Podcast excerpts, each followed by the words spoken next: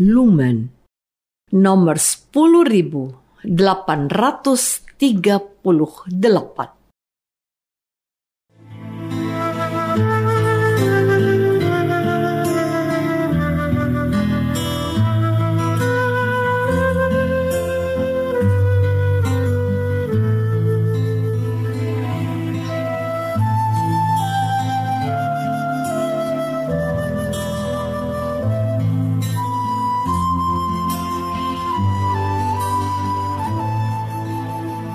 Saudara pendengar di segenap penjuru tanah air, selamat bergabung dengan Lumen Indonesia.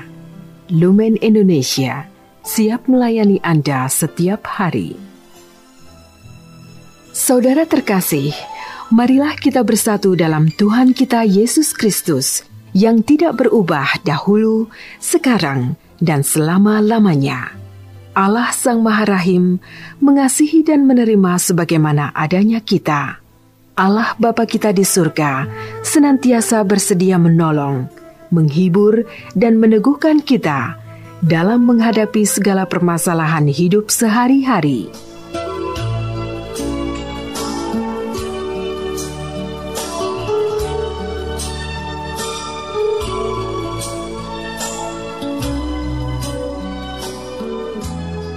Saudara-saudari, marilah kita mendengarkan renungan dengan judul Alasan untuk membunuh Yesus.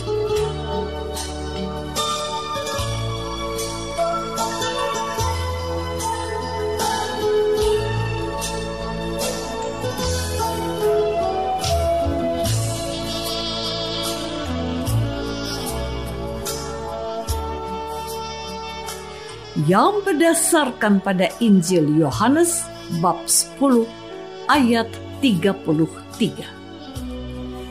Jawab orang-orang Yahudi itu, bukan karena suatu pekerjaan baik maka kami mau melempari engkau, melainkan karena engkau menghujat Allah dan karena engkau sekalipun hanya seorang manusia menyamakan dirimu dengan Allah.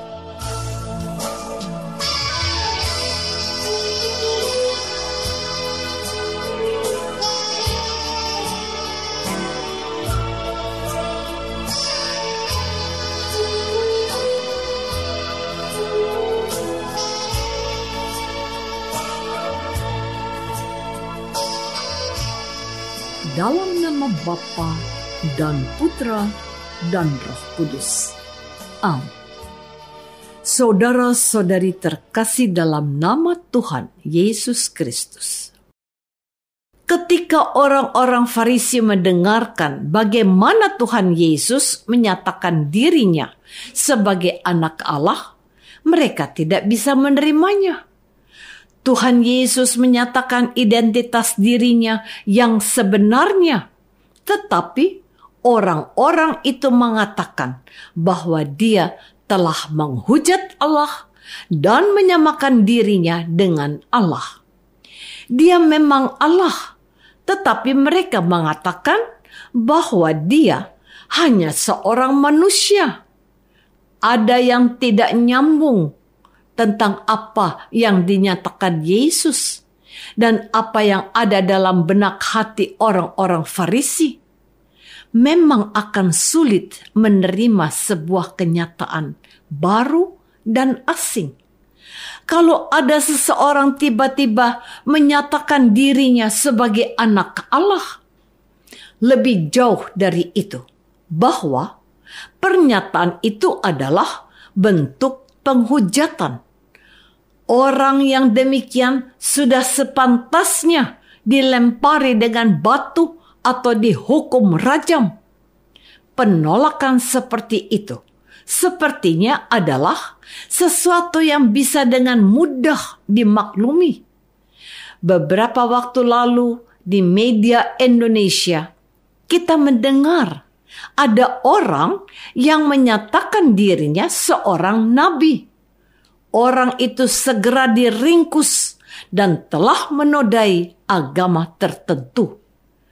Apa yang salah dengan penolakan yang dilakukan orang-orang Farisi terhadap Yesus yang menyatakan dirinya sebagai anak Allah?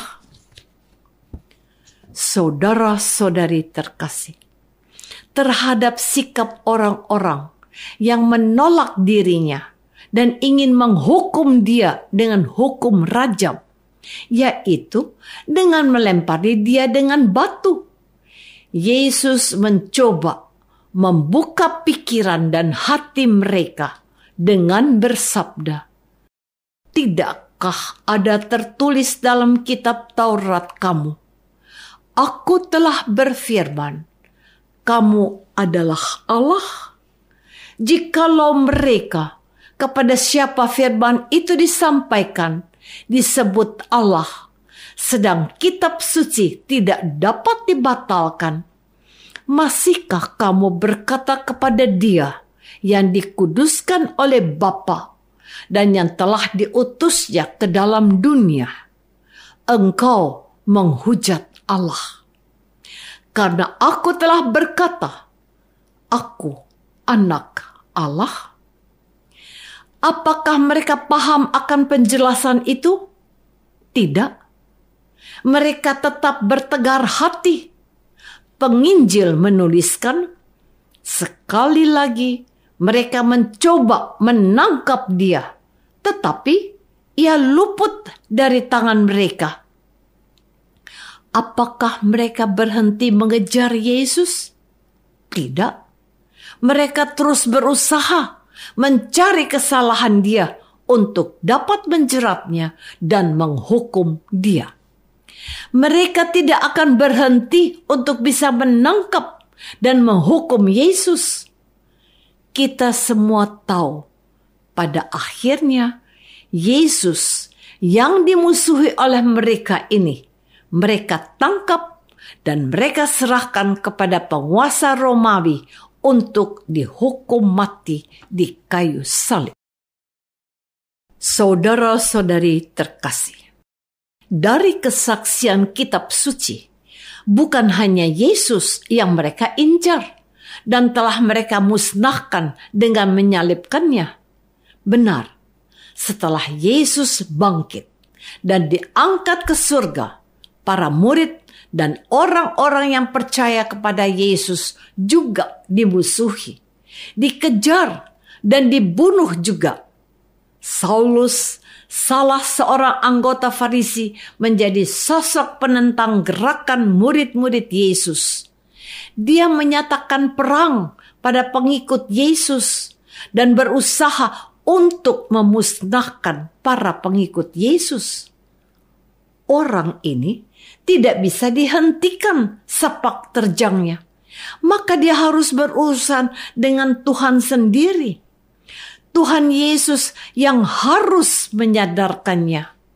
Menarik untuk diperhatikan apa yang dikatakan oleh Gamaliel, guru dari Paulus, kepada kelompok-kelompok orang Yahudi yang menentang gerakan pengikut Yesus yang dimotori oleh Petrus. Gamaliel berkata kepada mereka yang memusuhi pengikut Yesus, Katanya, Hai orang-orang Israel, pertimbangkanlah baik-baik apa yang hendak kamu perbuat terhadap orang-orang ini. Karena itu, aku berkata kepadamu, janganlah bertindak terhadap orang-orang ini.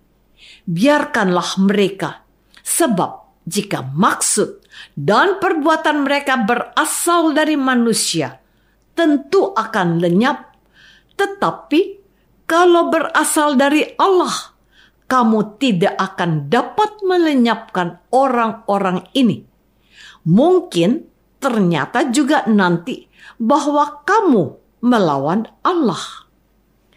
Nasihat itu diterima. Kisah para Rasul bab 5 ayat 35, 38, dan 39. Saudara-saudari terkasih, hari ini kita menerima pencerahan dari Tuhan Yesus sendiri bahwa dia memang anak Allah. Gereja perdana berjuang mempertahankan iman mereka dan tidak digentarkan oleh siapa pun. Kita tahu bahwa apa yang dikatakan oleh Gamaliel telah terbukti dan sampai hari ini Tuhan Yesus adalah juru selamat bagi semua orang teristimewa untuk kita yang telah percaya dan dibaptis dalam nama Bapa dan Putra dan Roh Kudus. Tuhan Yesus memang sudah mengalami penolakan yang masih yang dilakukan oleh pemuka agama Yahudi. Mereka itu ahli Taurat, orang Farisi, kaum Herodian, bahkan kelompok Saduki kehendak jahat mereka akhirnya berhasil menyalibkan Tuhan kita, Yesus Kristus. Itulah yang kita renungkan hari-hari ini. Juga pada saat kita merenungkan jalan salib Tuhan pada hari Jumat ini. Kita merenungkan peristiwa penyalipan Tuhan mulai dari dia dihadapkan kepada Pilatus hingga wafat, disalibkan, serta diturunkan dari salib dan dimakamkan. Pengalaman rohani dan dramatisasi iman akan Tuhan kita, Yesus Kristus, yang wafat untuk kita, hendaknya semakin menguatkan iman kepercayaan kita kepada Dia sebagai Anak Allah. Kita harus terus dan tetap berpegang pada iman kita, sekalipun ada penolakan dan kebencian terhadap iman kita. Inilah firman-Nya. Barang siapa kehilangan nyawanya karena aku dan Injil, ia akan menyelamatkan nyawanya. Aku menyertai kamu sampai akhir zaman. Sabda Tuhan.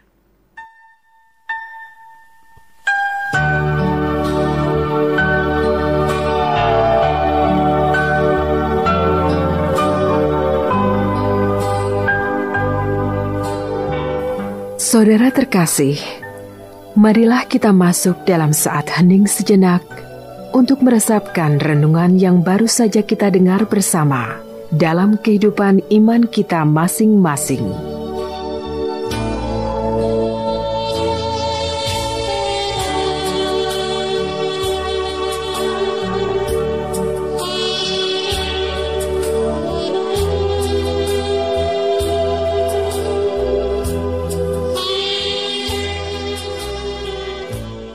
Apakah aku tetap setia kepada Tuhan Yesus yang ditolak dan dibenci?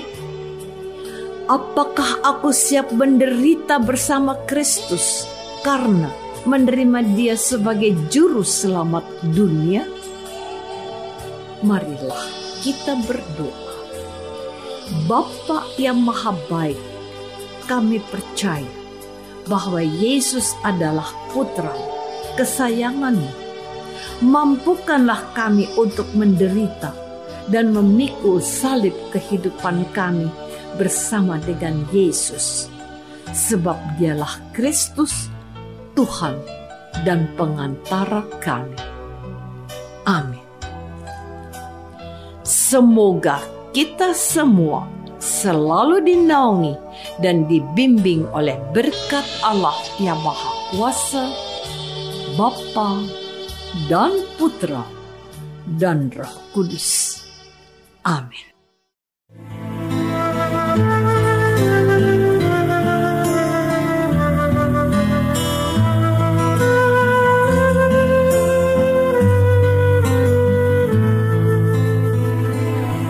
Dengan penuh kasih dan sukacita, Lumen Indonesia mengundang saudara-saudara seiman di segenap penjuru tanah air. Sekiranya ada tanggapan ataupun saran, kirimkan surat Anda ke Lumen Indonesia. Terima kasih atas perhatian Anda.